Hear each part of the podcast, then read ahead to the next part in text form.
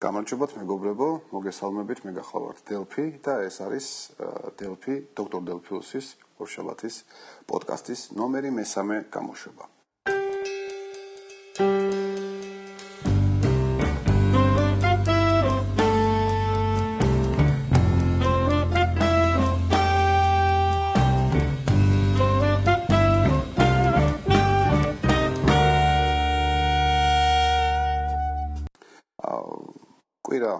გასული კვირა ძალიან საინტერესო წარიმართა. აა ყველაზე საინტერესო არის ის, რომ მეორე გამოშვებასთან დაკავშირებით მივიღე გამოხმაურება ერთ-ერთი მსმენელისაგან, რომელიც ძალიან აღშფოთებული, რომელმაც ძალიან აღშფოთებულმა მითხრა, რომ მე ძალიან ცუდ რაღაცაებში ჩავდივარ, რომ მე ვარ გაბოროტებული ადამიანი, რომელიც ლანძღავს და შეურაცხყოფას აყენებს სხვა ადამიანებს. და რომ მე ასე ალბათ მოვიქცე ალბათ როგორც მინიმუმ. ამასთან ერთად გამაკრიტიკა იმასთან დაკავშირებით რომ თუ რატო ვიყენებ ჩოლებრივ გარნიტურას და არ ვიყენებ რაიმე პროფესიულ აპარატურას. ამ საკითხებზე და ასევე სხვა საკითხებზე დღეს შევეცდები ამ მომწურავი თუ არა მეტნაკლებითი პასუხი მაინც გავცე. სმენელს რომელმაც ეს კომენტარი მომწერა ასევე თქვენს მოგიყვეთ ის სიახლეები, ან ის ამბები, რომლებიც მე პირადად შეემთხვა გადამხდა გასული კვირის განმავლობაში, ან რაც საინტერესო იყო ჩემთვის და უბრალოდ სამყაროში აა მოხდა რამე კარგი. დავიწყოთ კითხველის კომენტარზე, ანუ პასუხი პასუხი პასუხზე. აა პასუხის პასუხი, უბრალოდ. აა ჩემო ძირფასო იონა თუ სწორად ასე ვთქვათ, ვკითხულობ თქვენს nicknames, იგივე tikuns. აა ალბათ გაგონილი გექნებათ ესეთი ამბავი, რომ აა აფროამერიკელები, რომლებიც ამერიკაში ცხოვრობენ, ერთმანეთს მიმართავენ სიტყვა ნიგერით. თუმცა თეთკანიანებისათვის, თეთკანიანების მხრიდან ანალოგიური აა მიმართვა ჩაითვლება შეურაცხყოფად და შეიძლება ძალიან სერიოზულ სასამართლო გარჩევის საგნათაც იქცეს და გამოიწოს დიდი ნებათა ღელვა. აა მე როგორც აღნიშნული აფროამერიკელები, ანუ მინდა პარალელი გავავლო. დაახლოებით 20 წელია უკვე Windows-ის მომხმარებელი ვარ. მე სამწუხაროდ არ ვიცი თქვენი ასაკი რამდენი წლის ბრძანდებით ამის ნახვა კომენტარიდან შეუძლებელია. აა ვარაუდობ რომ ძალიან ახალგაზრდა არ ხართ და შეიძლება ჩემი ხნისაც ან ცოტა ჩემზე უფრო პატარა. აა ასევე ვარაუდობ რომ თქვენ ხართ Windows-ის აქტიური მომხმარებელი და მოგწონთ ეს საოპერაციო სისტემა.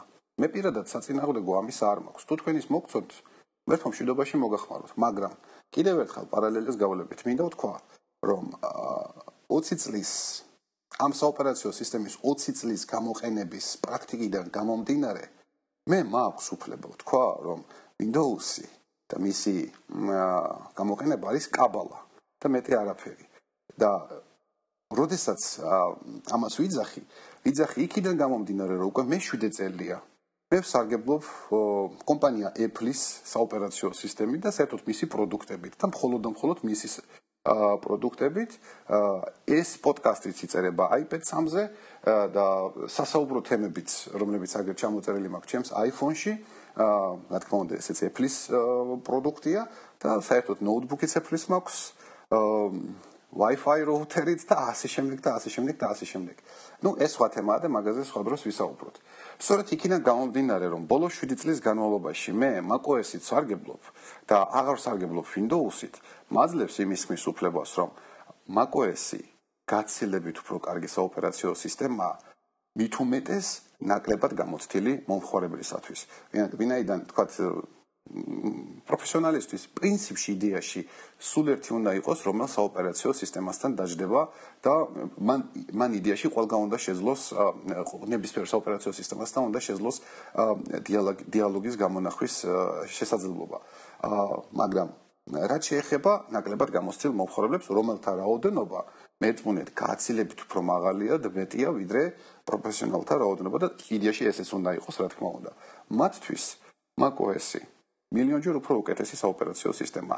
ნებისმიერი პარამეტრის თვალსაზრისით უსაფრთხოების ანტივირუსების ვირუსების არქონის სტაბილურობის სამხარებლო ინტერფეისის ლოგიკურობის ოპერაციათა ლოგიკური შესრულების ლოგიკურობის და ასე შემდეგ. მე შემეძლე ეს სია ეს ჩამონათვალი უსასრულოდ განვაგრძო მაგრამ სამწუხაროდ ჩვენი პოდკასტის ფორმატი და ის დრო რომელიც მის ჩაწერისთვის არის გამოყოფილი ამის საშუალებას არ მაძლევს. თუ თქვენ პირადად შეურაცხყოფად მიიღეთ ჩემი მხრიდან Windows-ის მომხმარებლების მდგომარეობა გამოცხადება როგორც კაბალაში ყოფნა ბოდის გიხდით, ნამდვილად არ ვიდოდა თქვენთვის რაიმე საწყანის თქმა, მაგრამ კიდევ ერთხელ ვიმეორებ, რომ მე ასეთნაირად მიმაჩნია.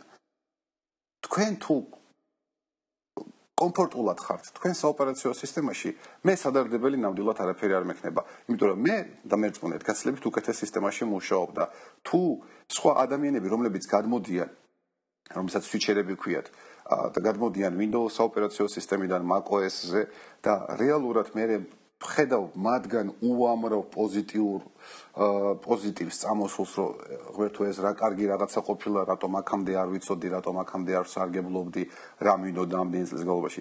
ეს რაღაცაზე მეტყოლეს ნამდვილად. აი უკან გადასულები რომ macOS-იდან გადასულიყო ან Linux-იდან გადასულიყო Windows-ზე მე პირადად ჯერჯერობით არც ერთი ადამიანი არ შემხვედრია. მაჩვენეთ. კი ბატონო სიამოვნებით. აა ნახავდი.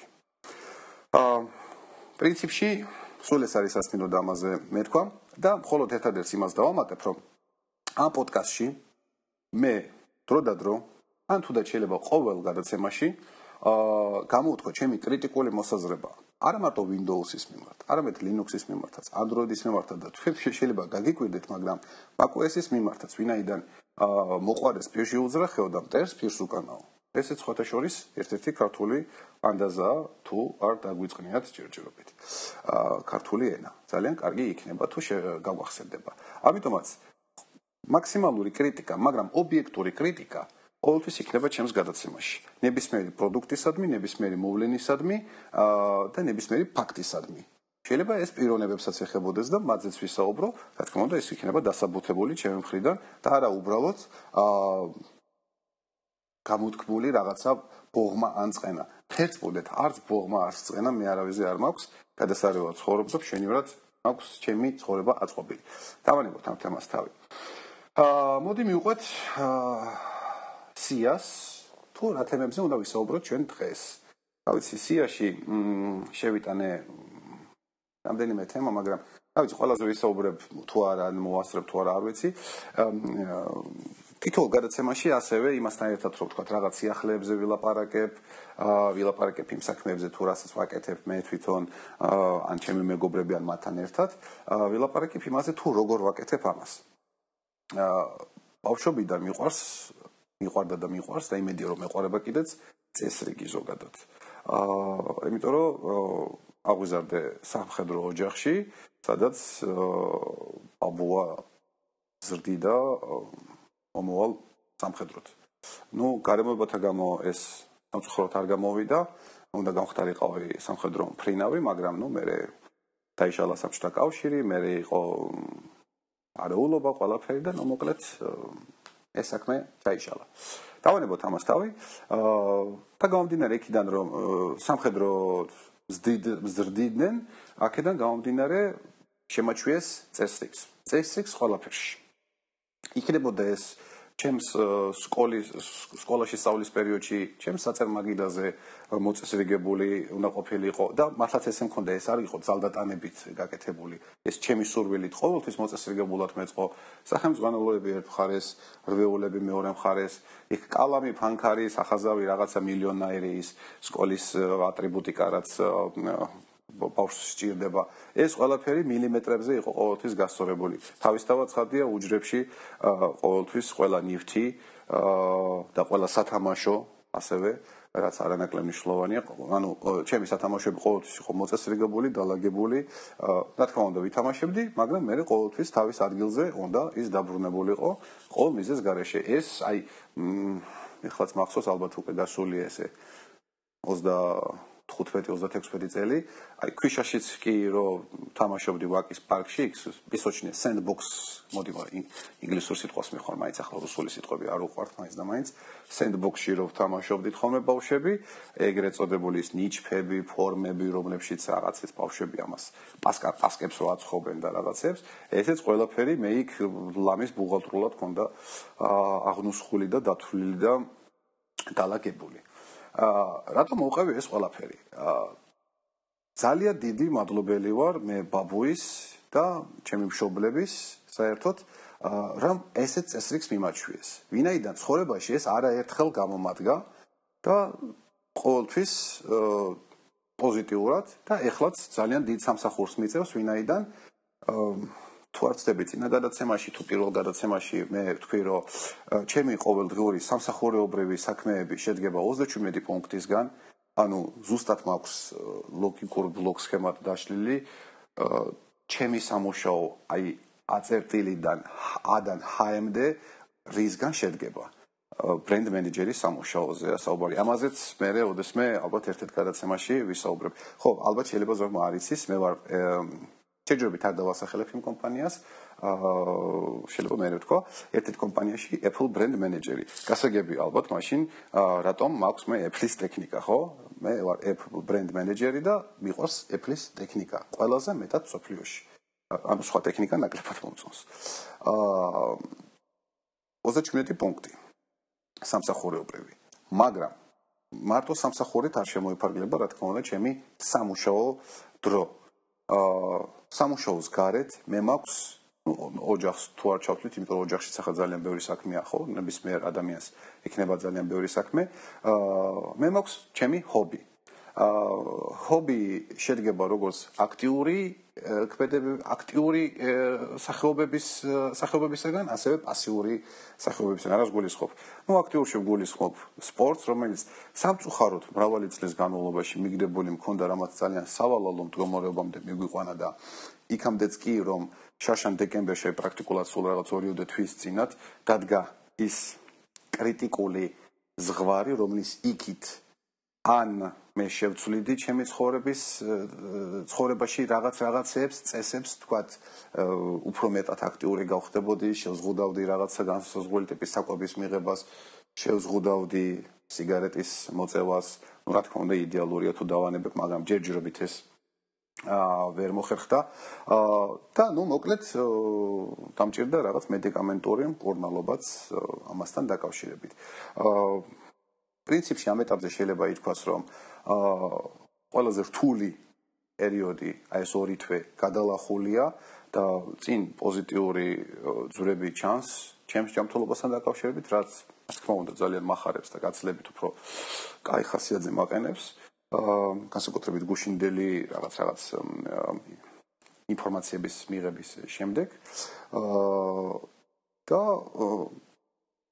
ამიტომაც სამსახურის გარეთ, ეს რატომ მოყვება ეს ყველაფერი?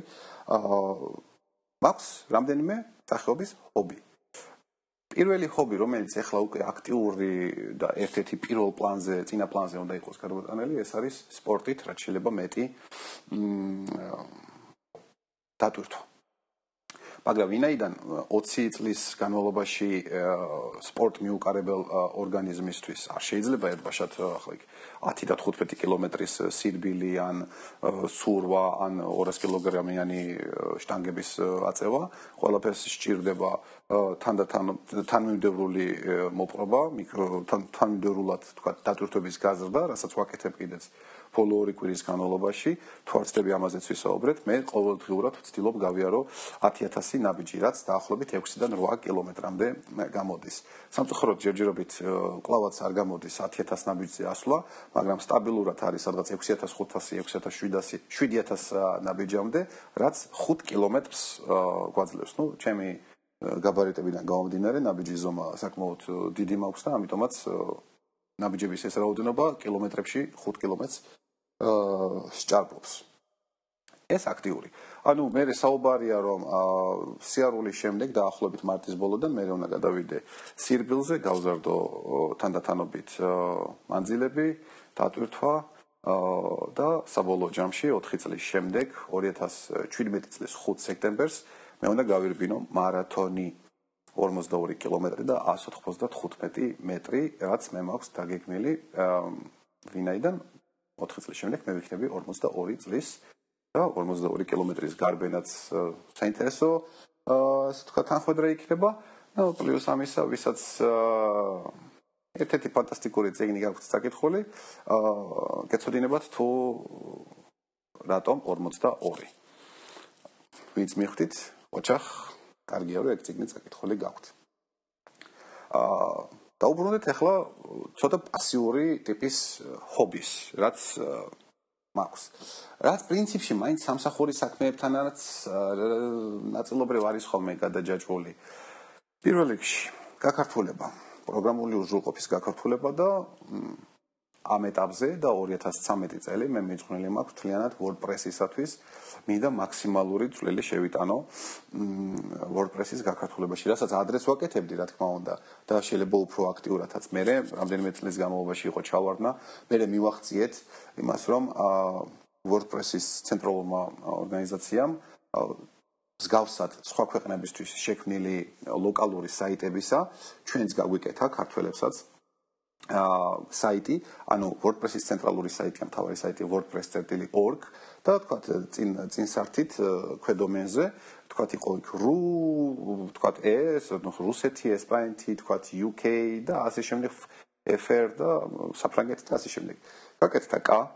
ალბათ იცით რომ K არის საქართველოს აღნიშნული სიმბოლო უბრალოდ ასოების კომბინაცია ლოკალიზაციის საკითხებში. აა გვაქვს ქართულენოვანი სექცია, ანუ K წერტილი, აა ანუ KA word წერტილი wordpress.org ამ საიტზე შესვლისას თქვენ მოხდებით ქართულენოვან სექციაში და შეძლებთ WordPress-ის ქართულ ქართული ვერსიების გადმოწერას. ეხლა მიმდინარეობს ზუსტად მუშაობა ბოლო WordPress-ის ბოლო ვერსიის გაქართულებაზე და ვფიქრობ, რომ თვის ბოლომდე ამას ჩვენ დავასრულებთ და აუცილებლად ჩვენს მოხარებლებს შევთავაზებთ ბოლო ვერსიის გაქართულებულ ვარიანტს. პლუს ამისა, მთელი 2013 წლის განმავლობაში დაგეგმილი გვაქვს, ну, აქტუალური განახლებების გარდა, აა გავაქართულოთ ყველაზე პოპულარული პლაგინები, იგივე ქართულად ამას ჩადგმა ქვია, აა რომლებიც ძალიან ხშირად გამოიყენება და შესაძლებელია რომ გამოიყენებოდეს ქართველი მომხმარებლების WordPress-ელების მიერ. ჩვენ ჩავატარეთ მე და ჩემო მეგობრებმა შარშან ნოემბერში WordPress-ის კონფერენცია ну კონფერენცია შეიძლება ცოტა ხმამაღალი სახელი, ხმამაღალი სიტყვა, მაგრამ ყოველ შემთხვევაში მულტიმედია ცენტრმა ძალიან დიდი ხელშეწყობა ძალიან დაგვეხმარა, დაგვითქვა თავისი დარბაზი, დაგვითქვა თავისი აპარატურა და თქვენ წარმოიდგინეთ, რომ ძალიან ბევრი ადამიანი მოვიდა, რასაც ჩვენ არ ველოდებოდი და ცოტა დაბნეულებიც კი ვიყავით, ესეთი უფს, აი რა ხდება. აა სურვილი გქონდა, რომ აა ასეთი ტიპის შეხვედრები, მიტაფები, უпроსტორად WordPress კონფერენცი კი არა WordPress მიტაფები ჩატარებული იყო როგორც მინიმუმ თვეში ერთხელ. ну ნოემბრის ჩავატარეთ, მე დეკემბერში უნდა გამოსულიყო WordPress-ის ახალი ვერსია და თქვათ რაღაც 8 დეკემბრისთვის, მაგრამ მე ხან ხან ჩვენ ერთ-ერთმა ჩვენ განმა ვერ მოიცალა, ხან მეორემ, ხან მე მე გავხდით სუდად და ავად და დამეწყო ეს რაღაც ცუდი ამბები. მე ახალი წელი იყო, მე ბატონო ახალ წლები იყო, მე იყო შობა, მე იყო ძველი ახალი წელი თუ ახლიც ძველი წელი და მოკლედ ამასობაში ეს დეკემბერი, იანვარი გაფრინდა. ну მეც კურნალობას გადავყევი მთელი ამ ხნის განმავლობაში ეს თებერვალიც უკვე პრინციპში ნახევარზე მეტი გასულია მაგრამ ყოველ შემთხვევაში დიდი იმედი მაქვს რომ მარტიდან ამ საკითხს აღვადგენთ აუცილებლად ასე რომ თუ ჩვენ ამას მოახერხებთ ამის შესახებ მოგიყვებით და აუცილებლად დაგპატიჟებთ ვისაც სურვილი გექნებათ რომ მობზანდეთ და უფრო მეტი გაიგოთ WordPress-ის შესახებ. იმიტომ რომ ჩემი აზრით ეს ერთ-ერთი საუკეთესო content management სისტემია CMS-ი რომელიც რომელიც პრაქტიკულად ნებისმიერი ტიპის საიტის ასაწყობად შეიძლება გამოგადგეთ. ერთადერთი რომელიც შეიძლება ჯობნიდეს WordPress რაღაც რაღაც მომენტებში არის დრუპალი, მაგრამ დრუპალი არის საკმაოდ ძნელად ასათვისებელი, საკმაოდ მძიმე სერვერის გამოიხო საკმაოდ სერვერზე საკმაოდ დიდ დატვირთვას წარმოშობს, და თქვა ვირტუალურ სერვერებზე მისი ამუშავება დიდ პრობლემებთან არის დაკავშირებული. მე ელემენტარული საიტის ასამუშავებლად 128 მეგაბაიტამდეც კი მომიწია ადმინისტრატორისთვის მეთხოვა ოპერატიული მეხსიერების გაზრდა. მაშინ როცა ვთქვათ WordPress-ი გაცლებით უფრო მორიდებული სისტემური მოთხოვნილებებისა გახლავთ. აა ესე იგი ჩვენ საუბრობთ ჰობიზე. ხო, გაქართულება WordPress-ი ვთქვით. ამის გარდა ელექტრონული ციგნები. ელექტრონული ციგნებს ვაკეთებთ, ესეც ვთქვი და ძალიან გამიგძელდა ზოგადად საუბარი და დაახლოებით კაცრავად 10-12 წუთი დაგვრჩა გადაცემის დასრულებამდე. აა რატომ დაიწყე ეს საუბარი? ასეულს ესეთი მეთოდი, მეთოდოლოგია getting things done uh GTD ძალიან ძალიან ბევრნაირი სახის არსებობს. მოგეთ ზოგადად რო ვთქვათ, საქმე შეეხება ჩვენი ყოველდღიური საქმიანობის მოწესრიგებას, დაწყობას, დასაწყობებას და თავიდან ესე იგი ძალიან უნდა განვითავისფლოთ გონება იმაზე ფიქრი თუ რა გვაქვს გასაკეთებელი. ანუ ყველაფერი უნდა იყოს აღრიცხული, აღნუსხული ზედმიწევნი ზუსტად. უნდა არსებობდეს სია, გნებავთ იყოს ელექტრონული ფორმით, გნებავთ ქაღალდზე უბრალოდ კალმით ჩანაწერის სახით, ამას არ აქვს არსებითი მნიშვნელობა. მთავარი ფაქტორი არის ის, რომ ჩვენ არ უნდა გვეჭიროს თავში მეხსიერებაში რაღაც რაღაც საკითხები დამახსოვრებული. აი მაგალითად, აი ხვალ არ დამავიწყდეს, რომ დასარეკი მაქვს ამ ადამიანთან, ან არ დამავიწყდეს, რომ თქვა რაღაცა ანგარიშგება, ანუ იგივე რეპორტი მაქვს შესაქმნელი და გასაგზავნი ვიღაცასთან. ასეთი რამე არ უნდა ხდებოდეს. ეს ყველაფერი უნდა იყოს ჩამოწერილი. კიდევ ერთხელ დიდი ბოდიში ეს ხველება არ მომშორდა არაფრით. ეს ეს კი მოკეთ უნდა სი იყოს ჩამოწერილი და ჩვენ უნდა გქონდეს ყოველდღიური, ყოველკვირეული და ყოველი თვის სამუშაო გეგმები. რა თქმა უნდა, კვარტალური 6 თვისაც და წლისაც ფრიად, ფრიად სასურველია და თუ თუ ზოგი რომელიმე თქვენგანი 3 წლისასაც გააკეთებთ გაანგარიშებებს, არ ვიძახი ყოველდღიური საქმეები იყოს 3 წელზე გაწერილი, უბრალოდ 3 წელზე გაწერილი იყოს რაღაც ძირითადი თეზისები და ძირითადი მომენტები, რომლებსაც თქვენ ფიქრობთ, რომ ამ 3 წლის განმავლობაში განახორციელებთ. ეს იქნება ძალიან კარგი. აი მაგალითად უკვე შემდგომ 4 წელიწადზე მაქვს გაწერილი სპორტის კონკრეტული სახეობა, სირბილი და დასახულია მიზანი. მარათონის გარბენა 2017 წლის 5 სექტემბერს. აჰა.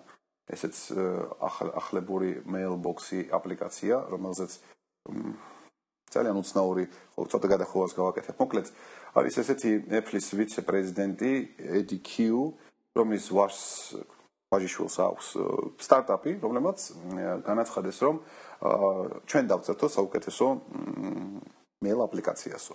აა სოთაშოის iOS-ისთვის, თუმცა მარტო iPhone და iPod-ებისთვის არსებობდა ძალიან კარგი mail პროგრამა Sparrow, რომელიც iPad-ისთვის არ დაწერეს. ეს Sparrow ასევე იყო desktop Mac-ებისთვისაც. მაგრამ სამწუხაროდ მუხანათმა კომპანიამ, რომელსაც სახელად ქვია Google, შეიძინა Sparrow თავიდან ფეხებამდე და ნუ მოკლედ გასაგებია რომ ამ აპლიკაციის მომავალი განვითარება აღარ მოხდება, არა და თან ეს ეს პროგრამა იმის გარდა რომ თქვა სხვა ნებისმიერ pop ან IMAP ანგარიშებთან მისაერთებლად გამოდგებოდა, ძალიან კარგად იყო ასე თქვა მორგებული Gmail-ის საფოსტო სისტემასთან და მოკლედ ამ პროგრამის სარგებლობა მართლაც ძალიან სასიამოვნო იყო გნებავთ iOS-ზე და გნებავთ macOS-ზე. ვინაიდან ეს პროგრამა აღარ გვაქვს, არ უბრალოდ კი არის, მაგრამ ნუ გინდყოფილა გინდა რა ვინაიდან ის ფაქტობრივად კონკურენტმა შეიძინა და შესაბამისად ძალიან ნაკლები იმედია იმისა, რომ ამ აპლიკაციას განვითარება ეწეროს. EDQ-ს შვილმა თავის სტარტაპის საშუალებით რამდენიმე თვის წინათ გვამცნო რომ ისინი წერენ ძალიან ძალიან მაგარ აპლიკაციას. mail აპლიკაციას.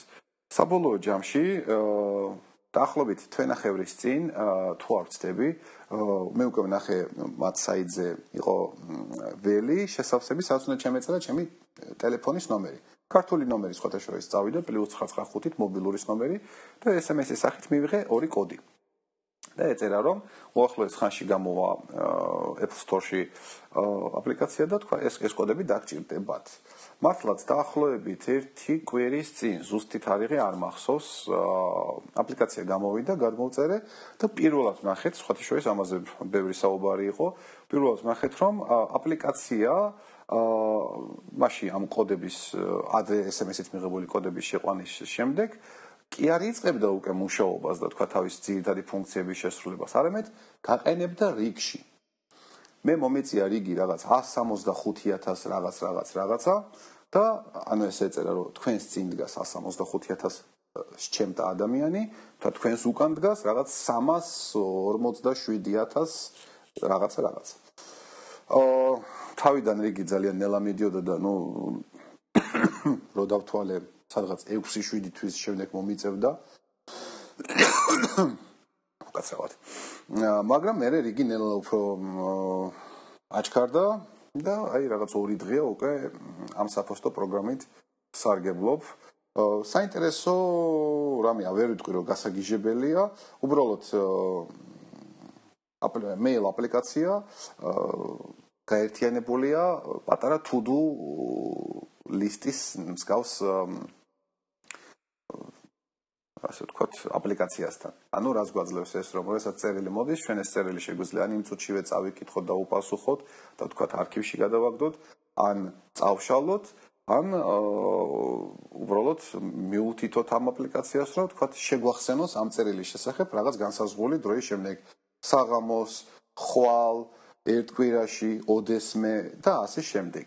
სიმართლე გითხრათ, ახლა დიდად აღფრთოვანებული არ დავრჩი, ვინაიდან არიან ადამიანები, რომლებიც რომელსაც თელი თავისი საქმიანობა ელფოსტაში აქვს გადატანილი. მე პირადად ვიცნობ, ჩემი კომპანია, რომელშიც მე აქამდე მუშაობდი, შარშან, ანუ სანამ Apple-ის ბრენდ მენეჯერი გავხდებოდი, ერთ-ერთ ამერიკულ კომპანიაში მუშაობდი, ჩემი უშუალო ხელმძღვანელი ამერიკელი მაიკი პრაქტიკულად ცხოვრობდა თავის Outlook ანუ საფოსტო პროგრამაში. მისთვის იყო ეს ყველაფერი. წერილები, კალენდარი, კონტაქტები და ნუ მეორე აპლიკაცია რომელსაც ისარგებლობდა იყო Skype.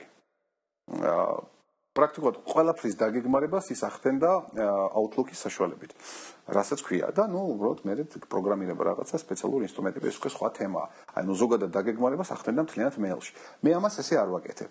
ჩემთვის უფრო მნიშვნელოვანია რომ აა კონდეს კონკრეტული პროგრამა გადავქეკე ძალიან ბევრნაირი აპლიკაცია და საბოლოოდ ყოველ შემთხვევაში ჯერჯერობით მაინც ჩემი ყურადღება შევაჩერე გერმანელების მიერ დაწერილ აპლიკაციაზე რომელსაც ქვია Wunderlist-ი რომელიც თუ რაღაც 2-3 კვირის წინ განახლდა. მინდა გითხრათ, რომ Wunderlist-ი ძალიან ბევრ პლატფორმაზეა. არის iOS-იც, არის macOS-იც, არის Windows, desktop Windows, კლასიკური Windows აპლიკაციაც. არის web, უბრალოდ web გვერდი შეგიძლიათ და იქ შეიტანოთ ეს ინფორმაცია. აა კიდე რისთვის არის? Android-ისთვისაც არის. რა შემდგომარეობს ახლა ამ პროგრამის არსი? თქვენ ქმნით CFs სია ჩვენ შეგვიძლია წარმოვიდგინოთ როგორც გნებავთ პროექტი, გნებავთ პროექტთა ჯგუფი. აა დაუშვათ თუ ეს არის პროექტი, მე შეგიძლიათ თქვნით ამოცანებს, ეგრეთ წოდებულ ტასკებს, რომელსაც თავის მხრივ ასევე შეგვიძლია შეუქმნათ ქვე ამოცანები. თუმცა მასეთი დეტალიზაცია როგორც წესი არ მჭირდება ხოლმე. და ვთქვათ ორი დონე, ანუ პროექტი და ამოცანები, ჩემთვის პირადად სრულიად საკმარისია. ამ თემაზეც ალბათ ერთ-ერთ გადაცემაში მე ვისაუბრებ, ჩემე ჩავინიშნავ ახლა აუცილებლად, რომ ეს თემა კიდევ უფრო მეტად განვავრცო. გირჩევთ, ძალიან გირჩევთ, ახლა აი მეილ აპლიკაციას მაინც-მაინც ვერ გეტყვით, რომ გირჩევთ, იმიტომ რომ დიდად არახვთოვანი კიდე ერთხელ ვიძახი.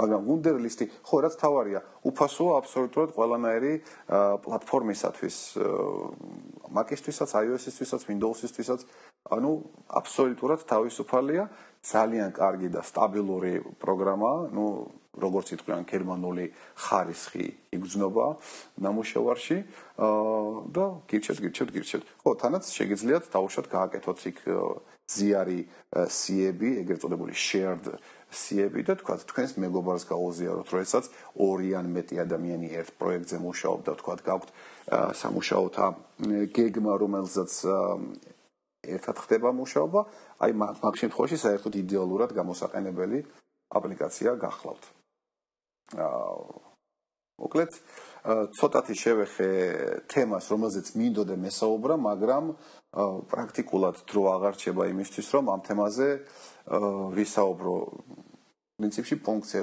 ერქვა 100 დღიანი ციკლები კარგად ვიცით რომ წელიწადში 365 დღეა მაგრამ მე მივსდევ ერთ-ერთ მეთოდიკას რომლის მიხედვითაც ამ 365 დღეში 300 დღეს 100 დღიანი ციკლებით ვყოფ და აი ამ სამ პერიოდზე გეგმა სამ ყველაზე მსხვილ რაღაც როგორ თქვა, ღონისძიებას, ან პროექტს და ასე შემდეგ და ასე შემდეგ. დანარჩენი დღეები 65 დღე არის დაახლოებით დაახლოებით 20 დღიანი შუალედები აი ამ 100 დღიან ციკლებში, როდესაც ჩვენ ვახდენთ განვლილი 100 დღიანი ეტაპის გააზრებას, იმის ნახვას თუ რისი გაკეთება შევძელით, რისი გაკეთება ვერ მოვასწავით, ან რისი გაკეთება კარგი იყო და რისი არ იყო კარგი და ასე შემდეგ, მოკლედ გაანალიზება და ვთქვათ, თუ რაიმე დარჩენილია წინა 100 დღიანი ციკლიდან შემდეგში გადატანა, ან გაუქმება და ასე შემდეგ. ჩემთვის პირადად ეს ძალიან მოსახერხებელი ვარიანტია. 4 იანვრიდან მე დავიწყე 2013 წელს პირველი 100 დღიანი ციკლი, რომელიც თუ არ ვცდები 14 აპრილს უნდა დასრულდეს.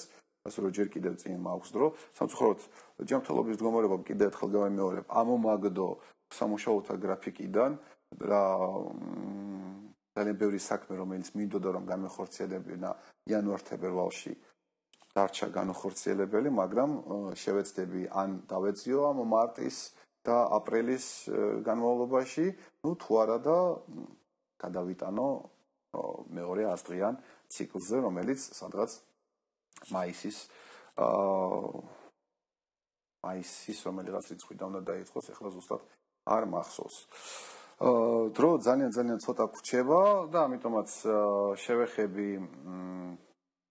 ორ კიდე ესეც საკითხს, რომელიც პრინციპში ტექნიკას ნაკლებად ეხება, მაგრამ მოკლედ გუშინდელი ასტეროიდის შესახებ, რომელიც რუსეთში ჩამოვარდა, ჩელიაბინსკ, ქალაქ ჩელიაბინსკთან ახლოს, მაინც ვერ გავიგე შემართლა გითხრათ ბოლომდე ქალაქში რამეს დაეცა თუ ქალაქ გარეთ რაღაცა შენობას დაეცა. ფაქტია, რომ ძალიან ბევრი ვიდეო იყო დადებული ინტერნეტში, სადაც პრაქტიკულად ყველა რაკურსიდან შესაძლებელი იყო იმის დანახვა თუ როგორ მოფრინავდა, მართლაც შთამბეჭდავი აა სანახავი იყო ასტეროიდის ვარდნა. მე ცოცხლად სიმართლე გითხრა, გითხრათ არასოდეს არ მინახავს იმეც იტოვებ რომ ოდესმე შესაძლოა ამის აა შესაძლებლობა მომეცეს ყოველ შემთხვევაში ვიდეოშიც ჩანდა რომ თუ რამდენად ძლიერი სტიქია რამდენად ძლიერ სტიქიას წარმოადგენს ასტეროიდი თანაც იმის გათვალისწინებით რომ ეს იყო საკმაოდ პატარა 15 მეტრის ნუ სიგრძის თუ დიამეტრის არ ვიცი როგორ ვთქვა აა ასტეროიდი და საკმაო გრუხონი, საკმაო შუშების მტრევალად ლაწალუცი გამოიწვია ამ სამხრეთ ურალის კალაქში. და წარმოიდგინეთ, გაცილებით უფრო დიდი ზომის ასტეროიდს აა როგორი ტრაგიკული დასასრული შეიძლება მოუტანოს ჩვენს პლანეტას. იმეც ვიტოვებ, რომ უახლოესი რამდენიმე ათეული მილიონი წლის განმავლობაში ეს არ დაგვემუქრება, ან ყოველ შემთხვევაში სულ მალე შევძლებთ მე ისეთი იარაღის გამოგონებას, რომელიც დაიცავს პლანეტას შესაძლო ასეთი ტიპის საფრთხეებისაგან. პრინციპში ასტეროიდთან დაკავშირებით მეც ვერაფერს ვერ მოგახსენებთ, უბრალოდ საინტერესო იყო, ლამაზი იყო სანახავად, განსაკუთრებით სასაცილო იყო რუსების კომენტარები, რომლებიც აი 99% უცენზურო სიტყვებისგან შედგებოდა. მ რაღაცაზე მაინც მეტყველებს ეს. ერთ თემას მინდა შევეხო, რომელიც პრინციპში თქვენ რა ვიცი შეიძლება არც დაგაინტერესოს, მაგრამ მე ძალიან მაშფოთებს და აღმახშფოთებს რომ მეტყვიან. მ ჩაშანდელი აპრილიდან მე ვცხოვრობ საბურთალოზე. კონკრეტულად ვაჟას ძეგლთან ერთად ახლად აშენებულ корпуში. აა ჩემი корпуსი ასევე ასევე ახლად აშენებულ მეორე корпуსის წინ დგას და ეს ორი корпуსი ესე რაღაცა დახურულ სივრცეს ქმნის შიდა ეზოს, სადაც არის ოფშთა სათამაშო მოედანი, ჩვენ ჩემი მეზობლები და იმ корпуსის მაცხოვრებლებიც აყენებენ თავიანთ ავტომობილებს, არის შემოსაზღვრული ადგილები, არის ბავშვებისთვის ქვიშის ეგრეთ წოდებული sandbox-ი, პისოჩნიცა, ქართულად არ ვიცი ამას რა ქვია. ქვიშაში სათამაშო ადგილი, არის პატარა გაზონი. აა თითქოს ყველაფერი წესრიგშია. თითქოს საბურთალოა. აა თითქოს ამას იმეზე იმიტომ ვიძახი რომ მაინც ნუ მიწემთ ბოდიშს ვიხდი მაგრამ უბანს მნიშვნელობა აქვს ვინც ცხოვრობს ვინ როგორ იქცევა და ასე შემდეგ ანუ ну, კარგით, ეს ისეთი თემაა, რომ შეიძლება გამოიწვიოს კლავ ვინმეს გულისხმობა, ამიტომაც ამაზე აღარ გავაგრძელებ. მაგრამ გავაგრძელებ სხვა რამეზე. გასაგებიარო корпуსები ახალი აშენებულია და მ ძალიან ბევრმა ადამიანმა ჩაატარა რემონტი, ჩაბარდა ეგრეთ წოდებული თეთრი каркасები. მეც რა თქმა უნდა, თავისთავად შაშან რემონტი გავაკეთე, გავაკეთეთ მე და ჩემო მეუღლემ და გადმოვედით აქ საცხოვრებლად. ასაგებია თავისთავად ცხადია, რომ სამშენებლო ნაგავი, რასაც ქვია, ყველანაირი იქ ცემენტის, გაჯის, შპალერის და იმის იმის ნარჩენები, საღებავის, ну, უამრავი. თუმცა ვისაც კი ოდესმე ხონიათ რემონტთან შეხება, დამერწმუნება რომ ძალიან ბევრი ნაგავი გროვდება თუნდაც უმცირესი რემონტის შემდეგაც. აღარ ვიძახი სამოთახიანი ბინის მთლიან რემონტზე. რა თქმა უნდა, ნაგავი ჩვენს დაგვიგროვდა. მაგრამ შეკაი ადამიანო, ну, თავს არ ვიქებ, უბრალოდ მე მე თვლი რომ ნებისმიერი ადამიანი ესეთნაირად უნდა იქცეოდეს. ავდექით მოიყვანეთ სატვირთო ავტომობილი, გადავიხადეთ ფული, აა ცალკე ფული მუშებზე, რომლებმაც ჩაზიდეს ტომრებით ეს ნაგავი აა პირველ სართულზე და მე დატვირთეს იმ სატვირთო მანქანაში, რომელიც საკმაოდ დიდი იყო, იმიტომ რომ ნაგავიც საკმაოდ ბევრი იყო და მანქანა წავიდა და ნუ სადღაც ნაგო საყრელზე გადაყარა, მასაც გადაუხადე თანხა. კი. დამიჯდა ფული, რა თქმა უნდა. არც თუ ისე მცირე რაოდენობის, ესეც მინდა გითხრა. რასაკეთებს ზოგიერთი ჩემი მეზობელი? ესე იგი, ჩემი აივნის აივნიდან რომ გადაიხედოთ, აი ამ ერთის შეხედვით ლამაზ ლამაზად მოყოლილ იმ საბავშვო მოედანს, ქვიშის, სათამაშოს, გაზონს, ბუჩქნარს და ასე შემდეგ, ალამაზებს ბჭყალებში აი ეს სამშენებლო ნაგავი, რომელიც იმდენი რა ისეთი რაოდენობით არის დახოვებული მთელ ეზოში, რომ პრაქტიკულად თავისუფალი ადგილი გასავლელი ცირეოდენიღა თუ რჩება. რაც რა თქმა უნდა, ჩემში პირადად ძალიან დიდ გულისხმობას იწვევს, მაგრამ პრობლემა უკვე იმაშია, რომ იმდენი დაგროვდა ეს ნაგავი, რომ უკვე რეალურად ალბათ არავინ არ იცის კონკრეტულად ვისი რა არის. და ხო წარმოიდგენიათ ქართველების ამბობი არა ჯერ საკუთარს არ მიხედავენ და ხო როდესაც ეს მოყვა უკვე ერთიანში მერე დაიწყება აბა მე რა ვიცი მე მე დავყარე მე არ დამიყრია ეს შენ დაყარე ну, ჩავთვალოთ, რომ ალბათ უახლოესი რამდენიმე წლის განმავლობაში თუ ვირთხებმა არ შეგჭამეს, ან კიდე სხვა კიდე უფრო დიდმა